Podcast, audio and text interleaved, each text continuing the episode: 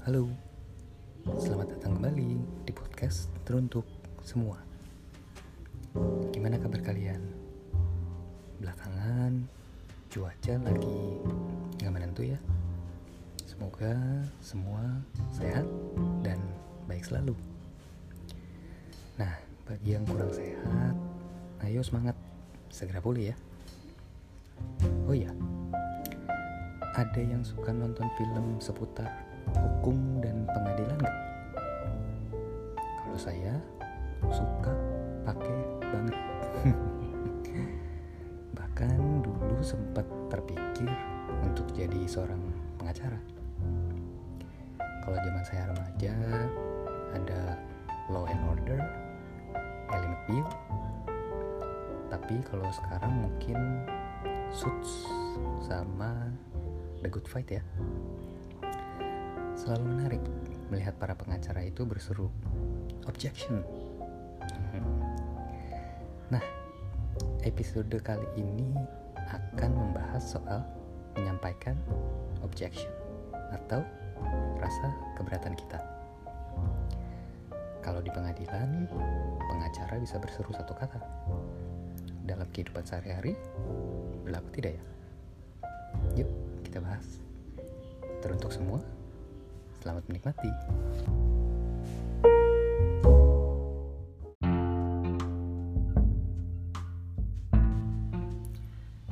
Menyampaikan keberatanmu. Kedengarannya mudah ya. Tapi pada prakteknya mungkin nggak semudah itu juga. Salah-salah bisa jadi malah timbul masalah. Kira-kira gimana ya supaya kita bisa menyatakan keberatan secara tepat sasaran? Salah satu trik yang saya pelajari dari film-film tadi yaitu setelah pengacara atau penuntut menyatakan keberatan mereka akan dilanjutkan dengan apa yang membuat mereka keberatan. Apakah pernyataan pihak lawan tidak relevan atau karena menyatakan sesuatu yang bersifat ambigu atau menggiring jawaban saksi atau terdakwa. Nah, setelah hakim mendengarkan alasan kenapa salah satu pihak keberatan, lalu baru ditanggapi apakah keberatan tersebut diterima atau ditolak. Sama halnya dalam dinamika kehidupan sehari-hari. Ketika kita tidak setuju akan sesuatu, sah-sah saja untuk menyatakan keberatan kita. Tapi, bagaimana agar keberatan kita dipahami dan diterima? Kemukakan juga kenapa kamu keberatan dengan hal tersebut. Kurang lebih, kalau diurutkan seperti ini. Pertama, kemukakan keberatan kamu dengan jelas. Kedua, nyatakan kenapa hal tersebut mengusik kamu, atau bagaimana hal tersebut membuatmu merasa tidak nyaman. Ketiga, sebutkan apa hal yang ingin kamu lihat dilakukan berbeda oleh lawan bicara. Dan keempat, hasil apa yang akan dicapai ketika perubahan perilaku disepakati dan dijalankan.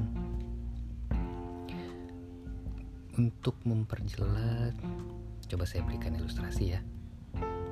Saya ambil contoh yang mudah dari lingkungan tempat tinggal sehari-hari. Misalkan, saya merasa terganggu saat adik saya meninggalkan peralatan setelah dipakai secara sembarangan. Maka, yang akan saya coba sampaikan mungkin seperti ini.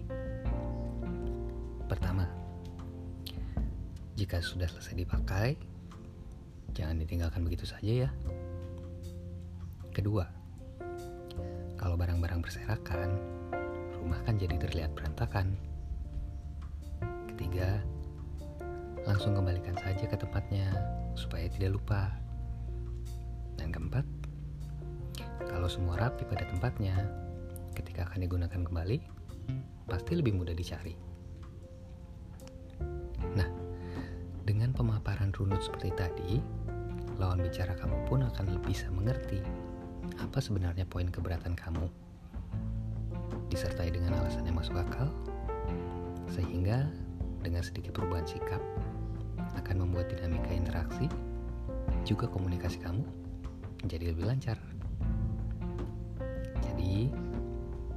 Penjelasan ya.